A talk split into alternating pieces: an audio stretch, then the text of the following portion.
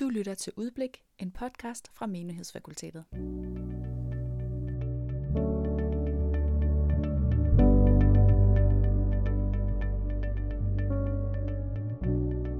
Velkommen til Udblik, Menighedsfakultetets podcast.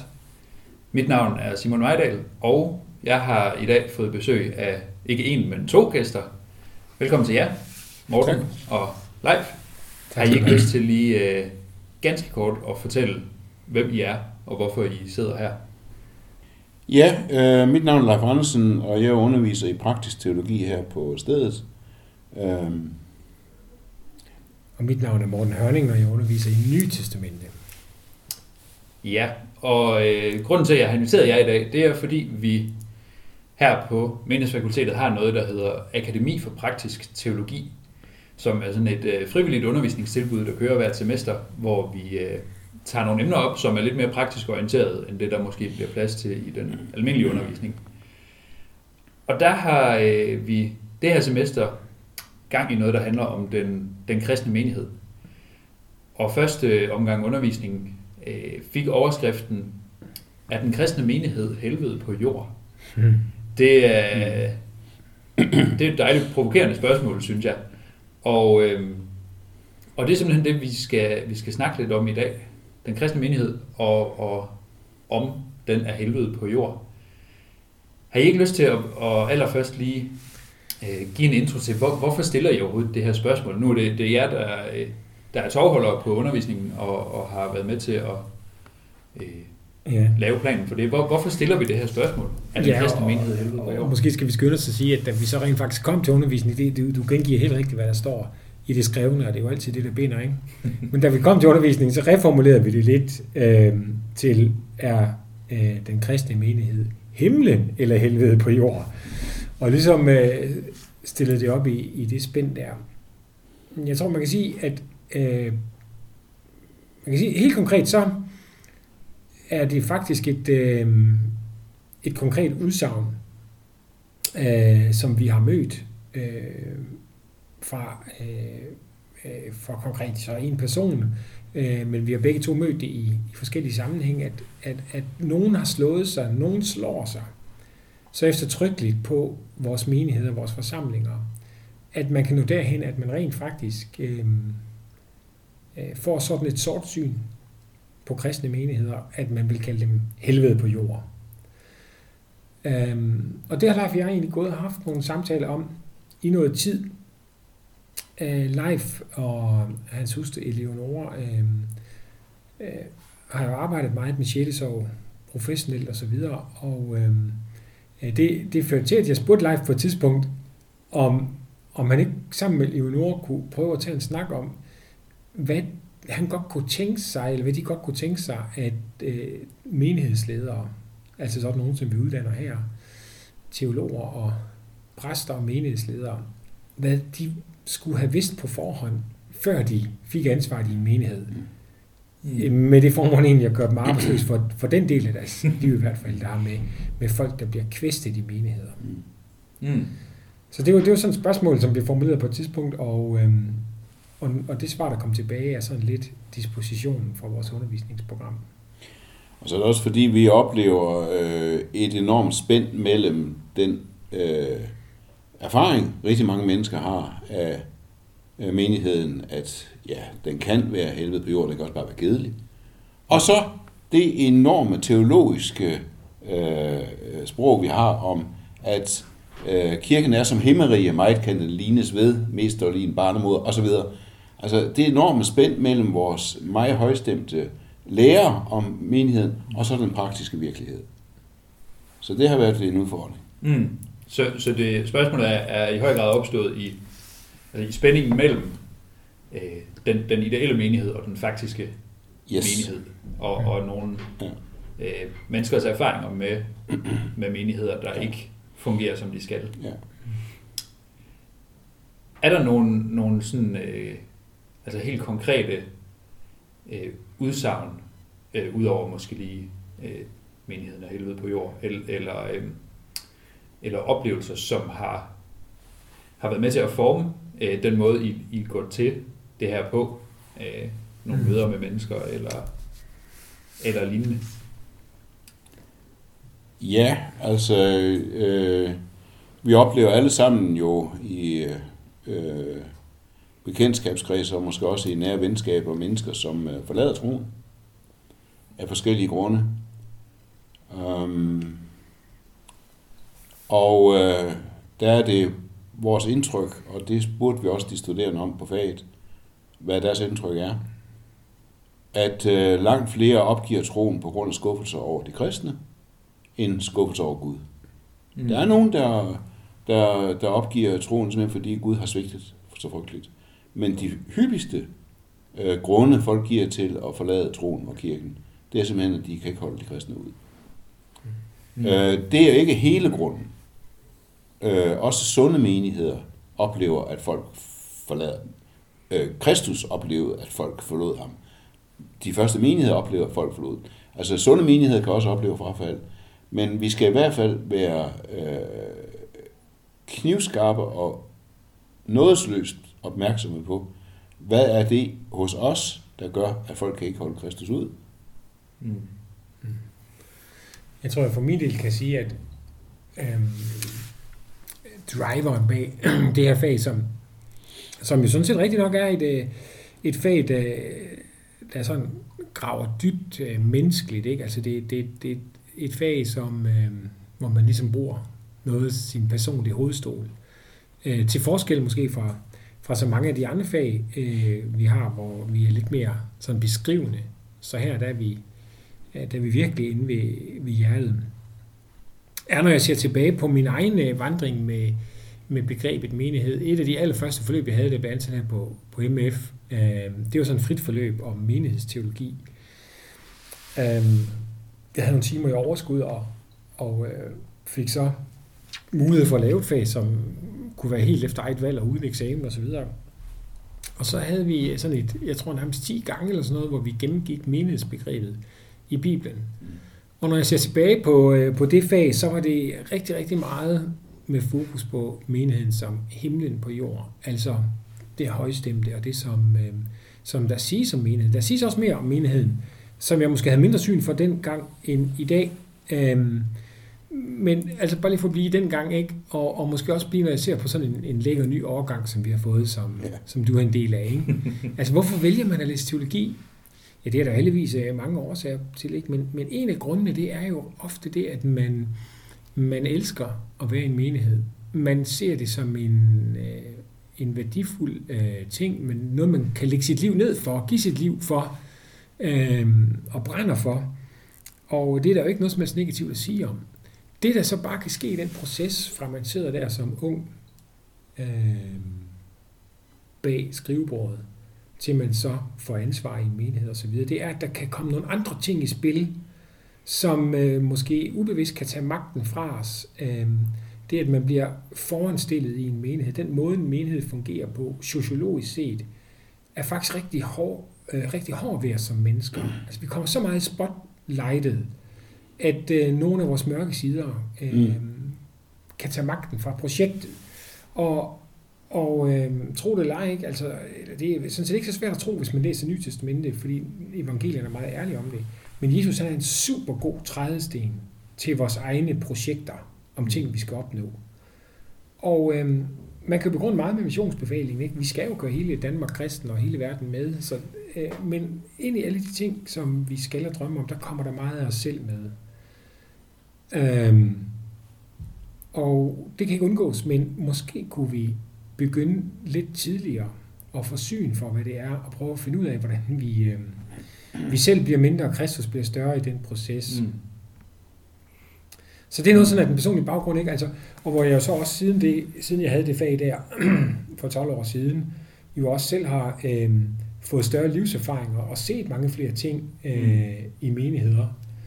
Øh, jeg har bare lige lyst til at lige nævne, altså, altså, altså for eksempel en af de ting, som også ligger til baggrund her, for det er øhm, en stor menighed i USA, som lige nu er udkommet en, øh, en meget, meget hørværdig podcast om øh, Mars Hill Bible Church.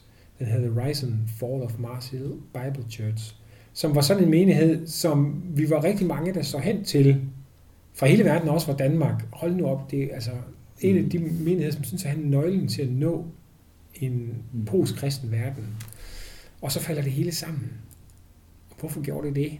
Og kunne man have været opmærksom på de ting undervejs? Sådan at det ikke bare falder sammen, men det, det eksploderer på en måde, så der sidder Mm. sårede mennesker Mm. Mm. overalt, ikke? Med sår, Mm. med lange skygger. Mm. Ja, så vi, vi er allerede her og røre ved, at, at grunden til, at det er, er relevant at tage det her op, er, er dels fordi øh, den kristne menighed er enormt vigtig. Mm. Øh, altså må, måske nogle gange vigtigere for, for folks tro, end, end den Gud, de tror på. Øh, Mm. og, og i hvert fald for, hvordan man, man har det med troen øh, på den lange bane.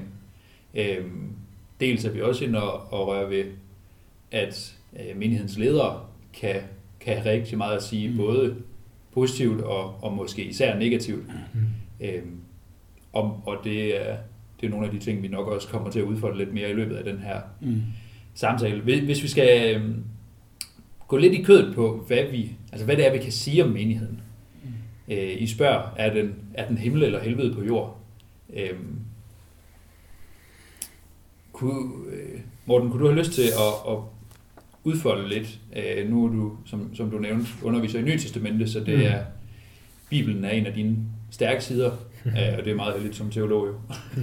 Øhm, men, men, men hvis du skulle prøve at udfolde lidt, hvor- hvordan kan vi med Bibelen i hånden sige, øh, den kristne menighed er himlen på jord? Ja, og det, det, var, det var faktisk en rigtig god ting ved at, at lave øh, lige præcis den undervisningsgang, ikke? fordi jeg, jeg, jeg kom lige fra at have hørt den her podcast til ende, og forskellige andre samtaler og så videre, og så øh, gik jeg tilbage og, og så på noget af det arbejde, jeg lavede, det underviste i det ti, øh, sidst, og vi må jo bare sige, altså menigheden er jo ikke øh, en, en mulighed, en option.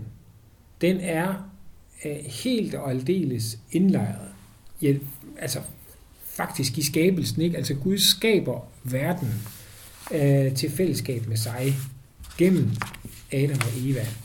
Og øh, det, altså hvad skal man sige, nærmest det ældste udtryk for menighed, eller skal vi sige antimenighed, det får vi i, øh, i Babelstårnet, som jo leder til en spredning, øhm, hvor i den bibelske fortælling, der er udvælgelsen af Abraham lige efter jo så en samling med et løfte om, at der skal komme en. Øhm, så øh, en, en, en skikkelse, der skal, der skal samle. Så hvis man går igennem det gamle testamente, så den messias-tanke, som alle vil jo sige, er yderst central for, for Bibelens samlede fortælling, den rummer menigheden i sig. Altså man kan ganske enkelt ikke blive messias, uden at samle et folk. Mm. Øhm, I sejsbogen står der, han, i vores danske oversættelse står der, at han, han skal være et banner. Det kunne man også have oversat med en plakat. Altså Messias er en plakat, et billboard, som man strømmer til. Mm. Og en af de måder, man øh, som jøde eller israelit vil vide det, det er Messias. Messias kan på, det er, at han samler et folk. Mm.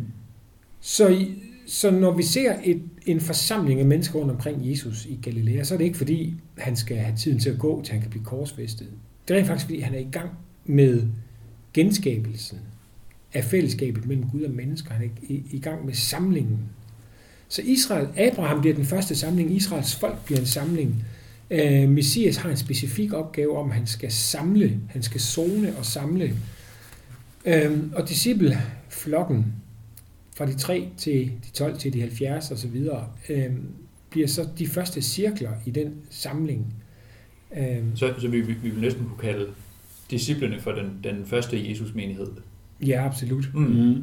Og altså, ja, jeg kan huske fra den her undervisningsforløb, ikke, altså det værste, ligesom som blev, blev one-liner for mig selv, og øh, ligesom det nøglen til, hvad er Nytestamentets meningsteologi. Det er Matthæus 18.20, hvor, hvor Jesus siger, der hvor to eller tre er forsamlet i mit navn, der er jeg midt i blandt dem. Så det vil så sige, det størst tænkelige løfte, det dybest set Edens haveløftet, hvor Gud jo gik mellem Mm. Adam og Eva før faldet. Det er, for at sige det teologisk, ekklesiologisk, det er menighedsbestemt. Altså den største, den største tænkelige gave, man kan få, nærværet med Gud, den er hængt op på menigheden. Mm. Så derfor er menigheden himlen på jorden, i den forstand, at den rummer Guds nærvær, Mm. Guds kærlighedsnærvær, Guds sakramentale nærvær i dåb og nadver, i, i ordens forkyndelse og i, i menighedens fællesskab. Mm. Ja, så, så fællesskabet med... Det, altså det, det fællesskab, vi som kristne har med hinanden i menigheden, Mm. er også fællesskab med Gud. Det er det. Og, og, og det er det, vi forstår ved, ja, Det er det. ved Ja. Og, og, og, altså bare lige for at gøre den færdig, fordi det, det, det, kunne jo, det kunne jo så tage de her 10 gange, vi ikke har, ikke? så er det jo nærmest en kamp mellem de forskellige skribenter i Nye Testamente om at beskrive det mest intimt. Mm. Så, og, og jeg ved ikke, hvad der er altså, intimt eller organisk, altså hvad kan man sige, Peters taler om, at vi er et hus af levende stene. Ikke? Øh, men den overgår Paulus jo lidt ved at sige, nej, vi er et læme, Mm. øh, som bindes sammen, ikke? Og, og Jesus stikker den i hvert fald øh, organisk øh, med at sige, at vi, vi er træ mm. med grene på stammen. Ikke? Altså det, det er så sammengroet og dynamisk og energifyldt, som man overhovedet kan forestille sig. Mm. Mm. Og når, når det, øh, når det nye testamente skildrer øh, menigheden og, og fællesskabet, og Paulus gør det med, øh, med øh, sam, ved at sammenligne med et læme, og han sammenligner det med de forskellige lemmer på lægemet osv., så kommer han til at skrive, sådan er det også med Jesus. Altså, hvor man skulle vente, han vil sige, sådan er det også med kirken, eller sådan er det også med menigheden. Men identifikationen mellem Jesus og menigheden er så total, så han i stedet for at sige, sådan er det også med menigheden, at den er ligesom et læge og så videre, øh, så siger han, sådan er det også med Jesus. Mm. Og det er så Nytestamentets ene side af det. Men Nytestamentet er meget mere realistisk omkring menigheden, end for eksempel ja, vores salmebog, Mm. som har de her meget højstemte øh, anprisninger af menigheden. Fordi vi samtidig har skildringer, for eksempel af ja, disciplene som den første menighed, men også øh, igennem øh, brevene, øh, hvor menigheden slås med hinanden og splittes i partier og øh, falder igen på de pinligste punkter osv. Øh, så så Nyt Nytestamentet har virkelig øh, de ekstremerne i det her spektrum. Både øh, identifikationen med Kristus, og så det, at det er sønders fællesskab. Og jeg har tit øh, tænkt, at øh, hvis, hvis, øh, hvis Nytestamentets forfattere, de bare havde sådan skulle opfinde en eller anden øh, lærer menigheden ud af, af deres eget indre, så havde de ikke været så øh, pinagtigt skånselsløse, når det handler om at skildre både disciplenes egoisme og dumhed og øh, menighedernes øh, komme til kort. Øhm, og det er, det er helt afgørende, at, at øh, vi ser på, på menigheden som et øh, som et synderes fællesskab. Jeg har selv været med i arbejdsfællesskaber, hvor det hele bryder sammen. Offentligt, tydeligt, pinligt. Og vi sidder så der i stumperne og ruinerne og spørger, jamen, falder nu ikke hele vores øh, kristne vidensbyrd til jorden? Ja, det kommer an på, hvad vores vidensbyrd har handlet om. Hvis det handlede om vores egen fortræffelighed som fællesskab og som kristen, ja, så er det faldet til jorden. Men hvis det handlede om Kristus som synderens frelser, så har vi endnu muligheden for at sige, så bogstaveligt mente vi det faktisk, at Jesus er sønders ven, og vores menighed er sønders fællesskab. Så vi har både et tårnhøjt ideal om, at øh, det er et øh, fællesskab, hvor vi giver øh, livet for hinanden, øh, for større kærlighed har ingen end det at give livet for hinanden, og samtidig, at vi er et overbærende fællesskab. Et øh, fællesskab, som kan tåle, at vi kommer frygtelig galt af sted, Mm. og som øh, ikke slår hånden af hinanden, fordi vi øh, kommer til at jogge frygtelig i spinaten. Mm. Øhm, Og, og hvis, vi, hvis vi bare lige skal, skal prøve at, at følge den nu, inden vi kommer til sådan nogle af de lidt mere øh, måske praktiske eksempler. Altså, hvad, hvad er det, når, når så vi går til Bibelen ja. og ser på, hvad den siger om... Ja, for, det, for den, den siger, at menigheden er... Øh, altså, identificerer os med Jesus, Mm. og, og, og er på den måde himlen på jord. Mm. Det, det er fællesskab med Gud. Men, men ja, som, du- som du siger, Leif, den er også realistisk, og, og taler også om, at menigheden kan være et forfærdeligt sted, og der er Mm. problemer og stridigheder og alt muligt andet. Altså, hvad, hvad, øhm, hvordan støder vi på det Mm. i Bibelen, at, at menigheden måske også kan være helvede på jord? Mm. Jamen, øhm, Ja, altså det der ord realistisk, det er et rigtig, rigtig vigtigt ord. Og det er vigtigt at understrege, fordi at øhm, man måske kan være lidt tilbageholdende med det, ikke fordi det lyder lunkent. Mm-hmm. Er vi ikke bare ved at tage lidt ud af løfterne? Øhm, men nej, det er vi faktisk ikke. Vi er faktisk ved at øhm, omfavne den helhed, der er i, i Bibelens beskrivelse af menighederne til enhver tid. Fordi vi kunne sådan set tage et skridt tilbage, og så gå tilbage til Israels gamle folk, mm. og så spørge, øh, hvordan vil profeterne beskrive den menighed? Og det vil blive pisk med skorpioner og hestehaler og hvad der vil være. Ikke? øhm, men hvis nu vi skulle tage et, altså et eksempel og, og prøve at, at dykke ned i det, så, så kunne det være disciplenes rejse, øhm, som jo går fra en indledende, en, øh, en begyndende, øh, hvis jeg nu bruger ordet entusiasme, giver det så ikke god mening. Altså det vil sige en begejstring, der gør, at de lader nettene ligge, fordi at det, som Jesus siger, antænder, knytter sig an til et dybt håb i dem. Mm. Svarende lidt til, at man som ung teologistuderende modtager kaldet til at komme til Aarhus øh, og læse teologi, og hvis man gør det på menighedsfakultetet, så uden SU-stipendier i hvert fald delvist og så videre. Ikke? Altså det antænder et eller andet, som man smider, hvad man har øh, i hænderne for at forfølge den drøm.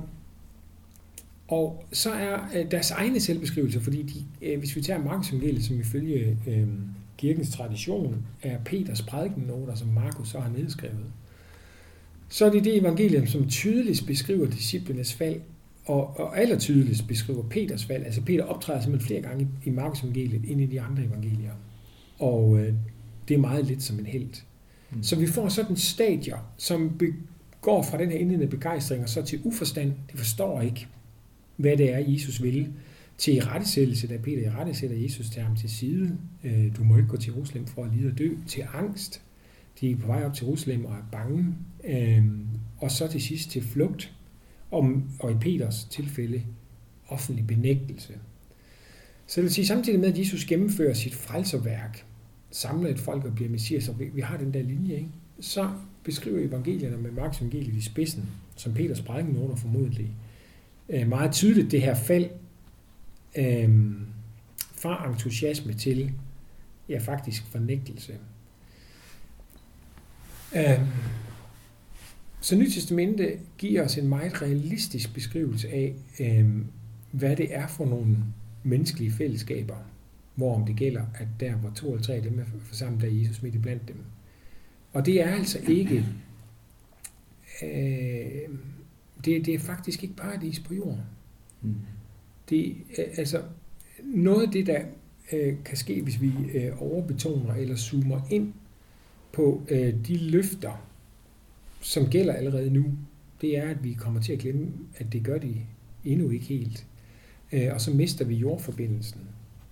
Øhm, og når vi gør det og begynder at speede, øh, så kan vi komme til, også selvom vi ikke vil det, øh, at gøre utrolig stor skade på mennesker, fordi vi tager nogle, nogle dybe løfter ind, som, som virkelig er hjertesager for kristne mennesker.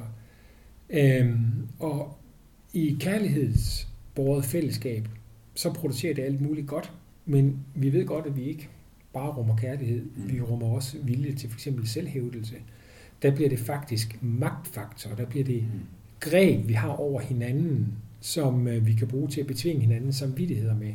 Så der kan det, øh, de ting, som skulle være godt og er godt i kærlighedens lys, kan i egoismens lys øh, introducere magtstrukturer, som er dybt skadelige for mennesker. Mm.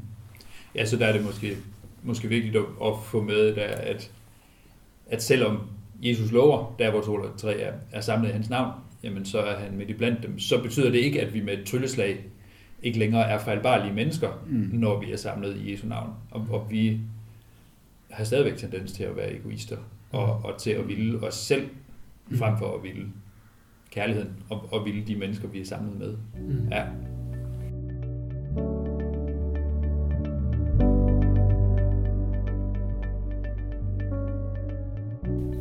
Altså for mig er det afgørende, at, øh, at vi øh, ser på menigheden, som vi ser på evangeliet og på kristenlivet. Øh, man kan godt få en i forkyndelse og i vidnesbyrd osv. en så øh, tårnhøj retorik, at den løsrevet fra, fra hverdagen. Og jeg har faktisk samtidig samtaler med mennesker, som, som siger, at de kan slet ikke genkende det, øh, det jordnære, det hverdagslige i den meget højstemte retorik.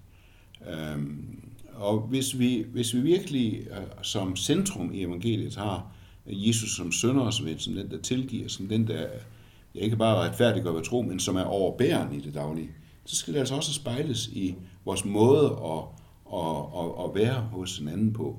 At vi skal give vores ledere øh, lov til at være fejlende mennesker. Øh, og samtidig øh, kræve meget af dem.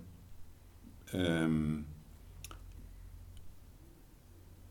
vi havde her, eller ikke vi, men der var her i efteråret en, en konference, øh, som hed Når Kirken svigter, mm. hvor man prøvede på at, øh, at se ind ad, hvad er det, der gør, at øh, folk simpelthen forlader menigheden af skuffelse, øh, eller fordi de ikke kan ånde i menigheden.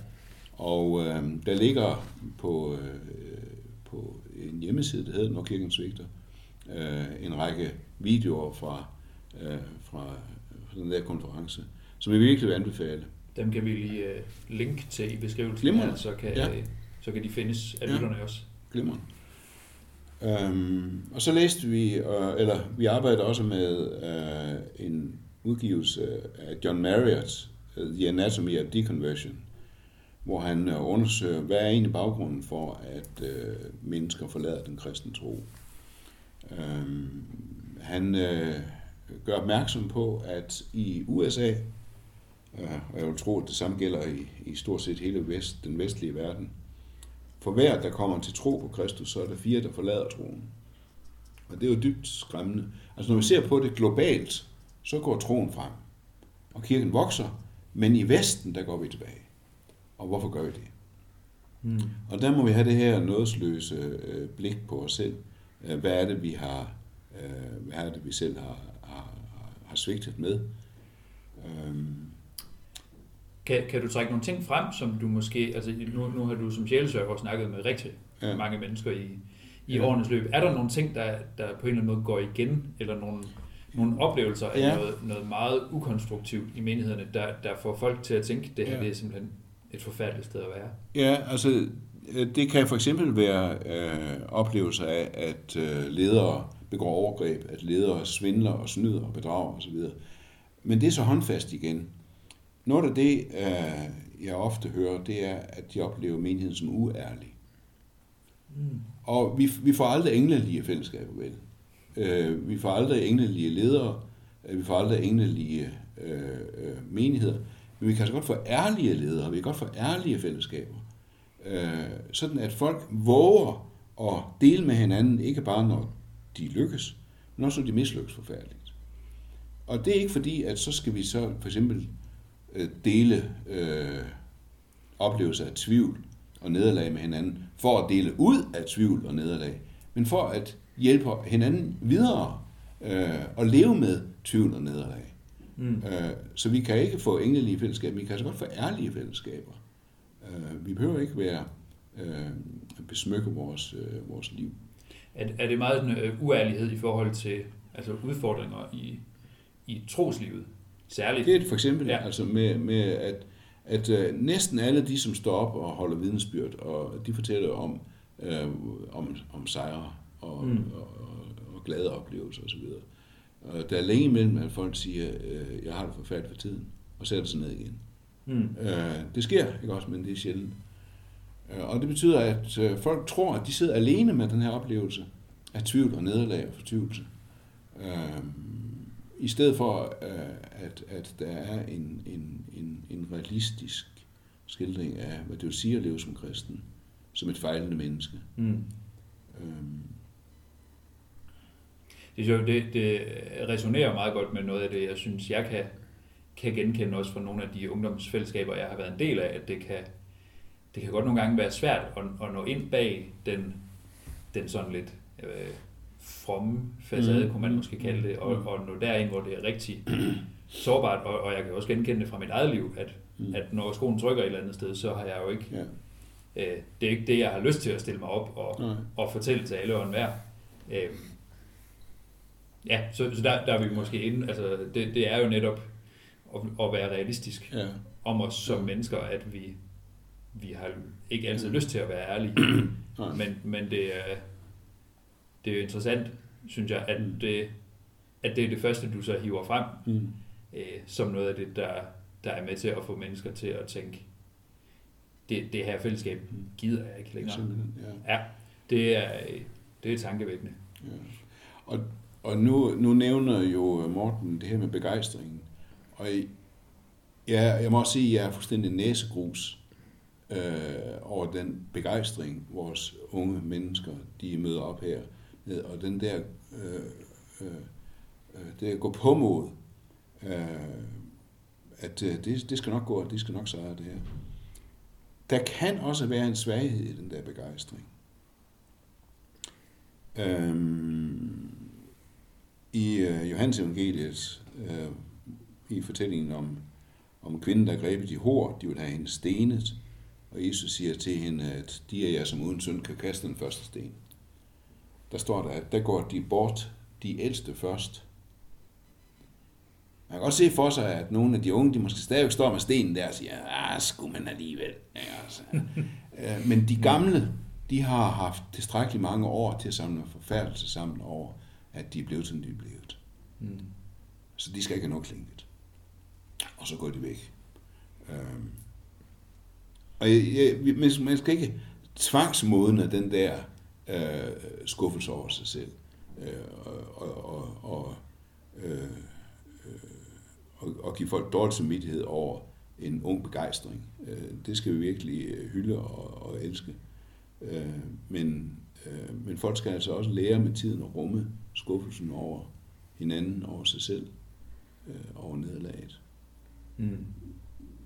Er du også stødt på, nu, nu er det nemt at komme på nogle af alle de eksempler øh, på, på øh, negative følger af, af alt muligt i, i menigheden. Er du også stødt på øh, sådan håndgribelige eksempler på nogen, der har oplevet menigheden som himlen på jord, øh, og som på en eller anden måde øh, er eksempler på, at, at det ikke bare er tomme løfter, eller løfter, der kun gælder fremtiden. Altså helt bestemt. Øh, en, et af de morsomste eksempler, det er fra en af mine øh, gode venner, øh, som kommer fra en fuldstændig ikke-kristen sammenhæng, øh, og voksede op, eller begyndte på universitetet i Aarhus, øh, uden at have nogen forbindelse med kristendom osv.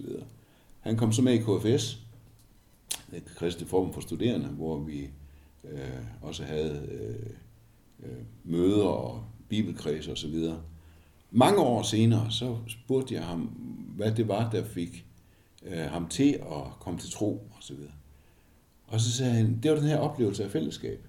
Den her oplevelse af omsorg for hinanden. Så var der nogen af os, der regnede tilbage. Dengang han begyndte, det var lige præcis de semestre, hvor vi klagede til hinanden over, hvor forfærdeligt det gik med fællesskabet og så videre. Men han oplevede det som, ja, himlen på jord. Han har aldrig fået noget lignende. Mm. Og den oplevelse, den kan, jeg, øh, den, kan, den kan jeg nikke til, at der er rigtig mange, som har oplevet menigheden som et varmt og rummeligt overbærende fællesskab. Mm. Og det, det, øh, nu nævnte jeg før, at jeg, jeg godt kunne genkende øh, uærligheden fra min, Ja. min egen oplevelse, men, men lige det der, synes jeg også, jeg har hørt fra, fra mange mennesker faktisk, ja. at, at når de ser på, og, og det er måske særligt, når folk betragter et kristent fællesskab udefra, øh, det kan vi spekulere lidt mere over, men, men så, så ser de en enorm omsorg for hinanden, Ja. og et fællesskab, der, altså der, der formår at rumme Mm. øh, mennesker på en måde, som, som der ikke er ret mange andre fællesskaber, der gør. Øh, og og det, øh, det synes jeg, jeg har hørt op til flere gange, at det er der, det er der rigtig mange, der, der oplever som dragende Det, ved, det ved de kristne menigheder. At, at der er noget der, som øh, altså i, i måden, jeg, jeg tror, jeg har engang hørt noget med det, det, det var måden, de gav hinanden saltet på. Nå, at, altså, at okay. de øh, rak- rakte hinanden saltet på, når de sad Ja. og spiste. At det, Okay. okay. de, de helt små Ja. ting, noget der, Ja. altså en, en Ja. ja. Og det er den ene side af sagen. Og den anden side af sagen er desværre, at jeg også oplever mennesker sige det stik modsatte. Mm. At da deres, deres liv brød sammen, og de, blev, de mistede en ægtefælle, de mistede et barn osv., øh, de kristne øh, så ikke til dem, Mm. spurgte ikke til dem, besøgte dem ikke osv., de ikke-kristne kolleger på arbejdspladsen. Det var dem, der var der for dem. Mm. Og, og det hører altså også med. Ikke også? Det gør det, ja. Ja, når vi skal tale realistisk om, Ja. om menigheden, Ja. ja, så hører begge sider i den grad med.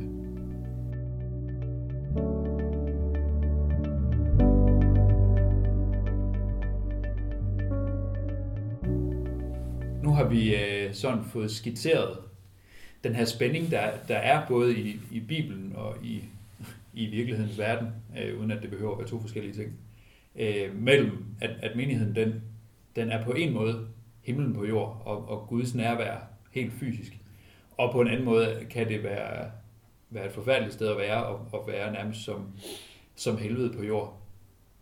Hvor, hvordan, det er, det er et meget åbent spørgsmål at stille, men hvordan, skal vi navigere i det? Hvad, øh, hvad skal vi gøre? Hvad for nogle svar kan vi give på den, den spænding? Der er måske også noget både at hente i, i Bibelen og, øh, og i den, den konkrete øh, sjælesørgeriske virkelighed. Det, det kan selvfølgelig, vi kan nok ikke give nogen, nogen færdig løsning, men, men hvis vi sådan skal prøve at give noget, der minder om nogle svar alligevel, hvilken, hvilken vej kan vi så gå der? Mm. Jamen, jeg tror, vi skal understrege, som vi også gjorde her til vores første undervisningsgang, at uanset hvad vi kommer til at sige, så vil vi aldrig nogensinde kunne sige med Bibelen i hånden, at, øh, at menigheden ikke er jordens største under for at bruge et salmevers. Mm. Og der, er- det er virkelig ikke vores ønske på nogen måde at tage nogen begejstring eller entusiasme for den tages skyld, eller Mm. øh, drømme om et liv i tjeneste for menigheden fra nogle af jer unge studerende. Overhovedet ikke.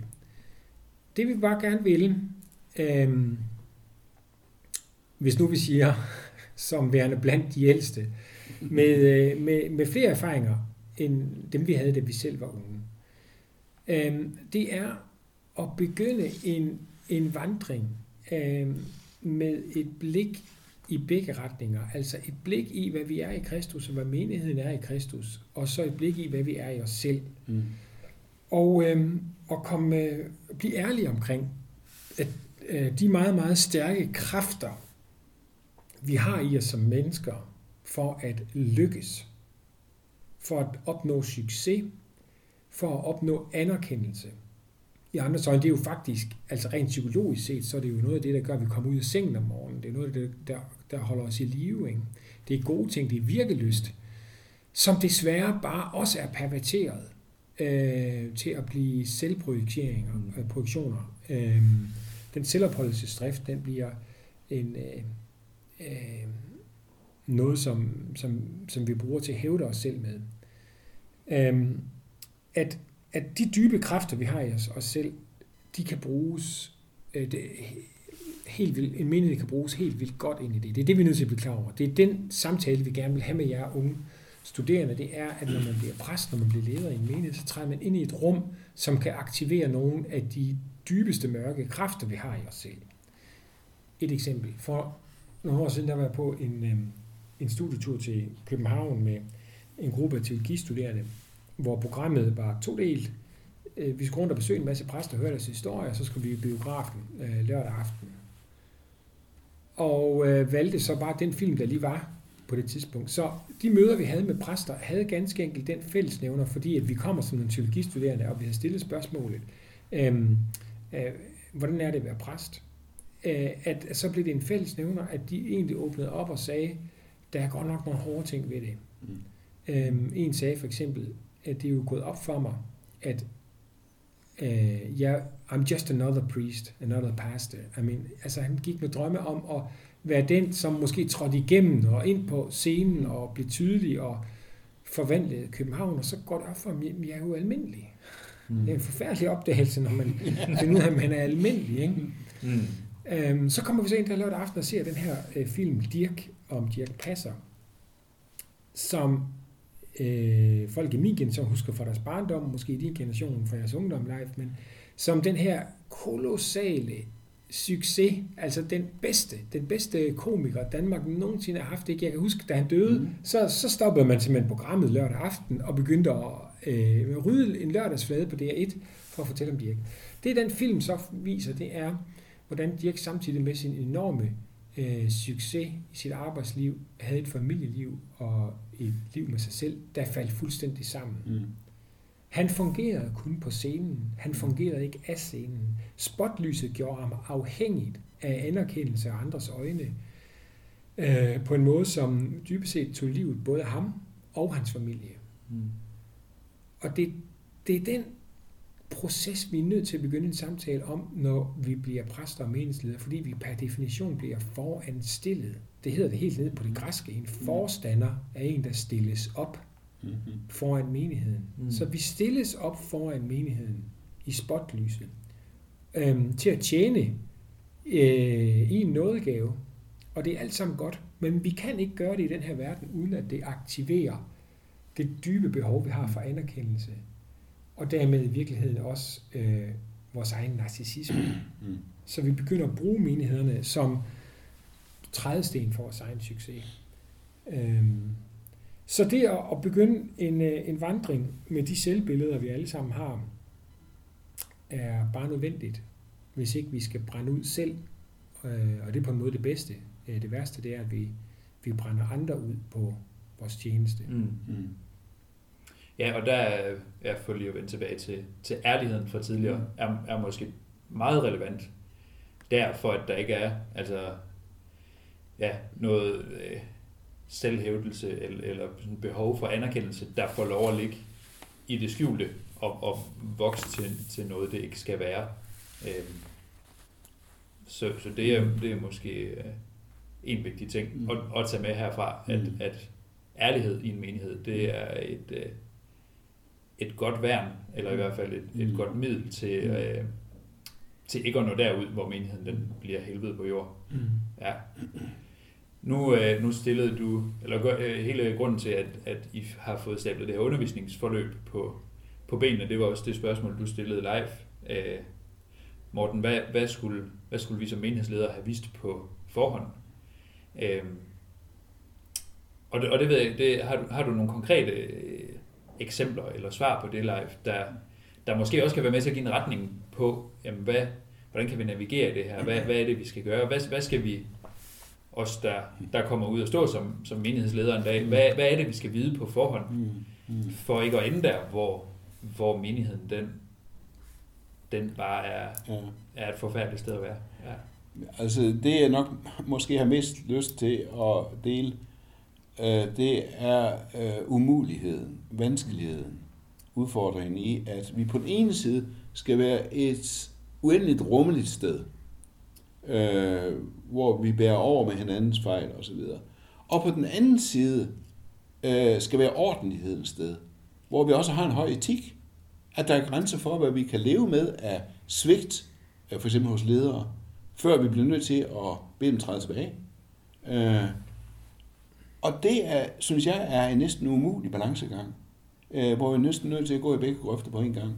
Både øh, kunne, kunne bære og tåle øh, det værste hos en anden, og samtidig sige, vi er nødt til at have en, øh, et, et fællesskab, hvor vi også lukker øh, det værste ude, øh, så vi ikke ødelægger hinanden. Altså, for at tale om kirketugt i gammeldags forstand. Øhm, Jesus lægger jo en, en, en, en fantastisk spænding an, når han siger, at øh, jeg kan ikke tage jer ud af verden.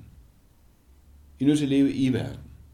Men vi må ikke, leve, vi må ikke være af verden. Mm. Øh, vi må ikke overtage verdens øh, øh, etik eller norm eller øh, gudløshed og så videre. Vi kan ikke være af verden, vi kan ikke have verdens ind, men vi skal være i verden. Og det betyder, at vi kan ikke mure øh, os selv inde i en øh, øh, inde i et kloster eller lukke os selv inde i en boble. Mm. Øh, og det er jo noget af det, mange, menighed, nej, mange familier har oplevet, at øh, de var så optaget af at beskytte deres børn mod alt det farlige i verden, at når så børnene bliver sluppet ud, så er de uden forsvar, de er uden øh, strategier til at håndtere og leve i øh, den her verden. Øh, og øh, det er sådan i det små, der har jeg mit eget lille projekt her på stedet, når jeg underviser i samtidsanalyse. Øh, så har jeg et romanprojekt, hvor øh, et par måneder før vi skal have faget samtidsanalyse, så sætter jeg en reol ind i auditoriet øh, med 100 moderne romaner. ingen øh, klassikere, ingen Dostoevsky, ingen Thomas Mann, og ingen krimier, øh, kun moderne nutidslitteratur. Og så øh, gør jeg opmærksom på, at de vil møde både erotik og blasfemi øh, i det. Og så skriver jeg, deal with it. Det kan man altså ikke stikke af fra. Man er nødt til at leve med det. Mm. Øh, og så skal vi lære hinanden, ligesom familier lærer deres børn, og at leve i den her verden, øh, øh, uden at være af verden. Mm. Ja, og det er jo en... Altså det, det er måske på en eller anden måde også øh, summen af det her, at, at der er ikke nogen perfekte vej at gå. Det er det ikke. Øh, fordi vi, vi lever i en, en spænding mellem ja, allerede og endnu ikke, at, at mm. løfterne og menigheden er, ja. er til dels vores virkelighed, men, men det er ikke den eneste virkelighed. Ja. Øh, og, og ja, vi er mm. i verden, men skal ikke være af verden, og, og det er en, en spænding, det tager et helt liv at lære ja, ja. Og, ja. og vandre i. Ja. Ja. Et af de frygtelige eksempler, vi har haft på dansk grund, det har jo den her, kan man se øh, om på Danmarks Radios øh, hjemmeside, serien Sektlederens Hemmeligheder. Mm om Roald Bergman, som øh, var øh, menighedsleder og menighedspræst, ungdomspræst, og øh, øh, kommer frygtelig galt sted, og han bliver simpelthen smidt på porten, groft, eller øh, brutalt øh, af, af, af menigheden. Og han forlader ikke bare menigheden, forlader troen fuldstændig. Mm. Og han skriver øh, bogen Fader, hvor, altså med H, hvor er Gud? Fordi han jo har, har let efter en faderskikkelse i, i menigheden og fandt den ikke, videre. Mm. Og han fortæller så om, hvordan øh, en af de erfaringer, han har taget med sig, det er, at man kan jo øh, bygge et hegn rundt omkring sin swimmingpool og forhindre, at børn falder i. Man kan også lære dem at svømme. Mm. Og i en ordentlig menighed, så skal man lære at svømme i den her verden. I stedet for, at man bliver, man, man bliver beskyttet imod den. Øh, og han, øh, han siger, i min menighed, så lærte vi ikke at svømme. Vi, blev bare, vi byggede bare hegn omkring. Mm. Øh, det er også en, en tankevækkende dokumentar. Den kan vi øh, også lige få linket til i, ja. i beskrivelsen her under podcasten. Hvis I øh, her til allersidst lige skulle øh, hver især have en, en one-liner eller en, en to-tre-liner med, med sådan en, en opsummering af, hvad, hvad er det vigtigt, at vi, vi tager med os for den her samtale, som, øh, både som som teologer og teologistuderende, øh, kommende menighedsledere på den måde, måske også bare for, for øh, enhver, der nu måtte sidde og lytte med. Hvad, øh, hvis I kan kode det ned til, til så lidt som en, en to-tre sætninger måske, hvad, hvad er det allervigtigste at huske, øh, når vi taler om, om spændingen mellem menigheden som, som himmel og helvede på jord? Mm. Ja, for mig, der tror jeg, det vil være, at vi som øh, menighedsledere bliver klar over, at den øh, spænding eller den kamp, vi taler om her, det er altså en, der foregår inde i os. Mm. Vi er simpelthen nødt til at blive ærlige omkring, at øh, man kan godt blive teolog med højeste karakterer og alle eksamensbeviser, men blive en forfærdelig menighedsleder, mm. hvis ikke man kommer i proces med sig selv. Der, der er ganske enkelt ikke nogen vej udenom.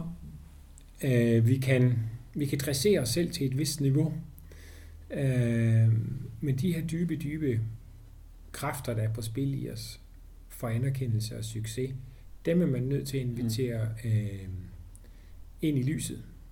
Mm. Øh, fordi så er det, at de begynder at miste deres kraft. Man er nødt til at blive ærlig omkring dem.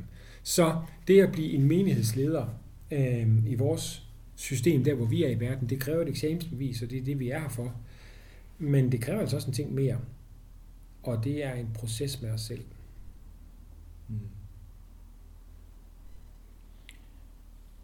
En af de ting, jeg har oplevet øh, i årens løb, det er mennesker, som øh, har levet i øh, menigheder eller fællesskaber så dominerende, og så sluttende, så bestemmende, og så styrende og kontrollerende, at øh, de kun kunne forlade den ved også at forlade Kristus. Øh, menigheden havde i den grad sat lighedstegn mellem sig selv og Kristus, at øh, man simpelthen ikke kunne forestille sig at kunne leve med Kristus uden for den her menighed. Så jeg kunne tænke mig at foreslå, øh, at det kunne være en prøvesten for en menigheds sundhed, for et fællesskabs sundhed, at man kan godt forlade den, uden at forlade Kristus. Mm. Det var et par gode onliner at slutte på, synes jeg. Jeg håber, det har givet øh, stof til eftertanke, også for dig, der har siddet og lyttet med. Det har det i hvert fald for mig. I skal have mange tak, fordi I ville være med til den her samtale begge to. Tak for nu. Ja, tak. Selv tak.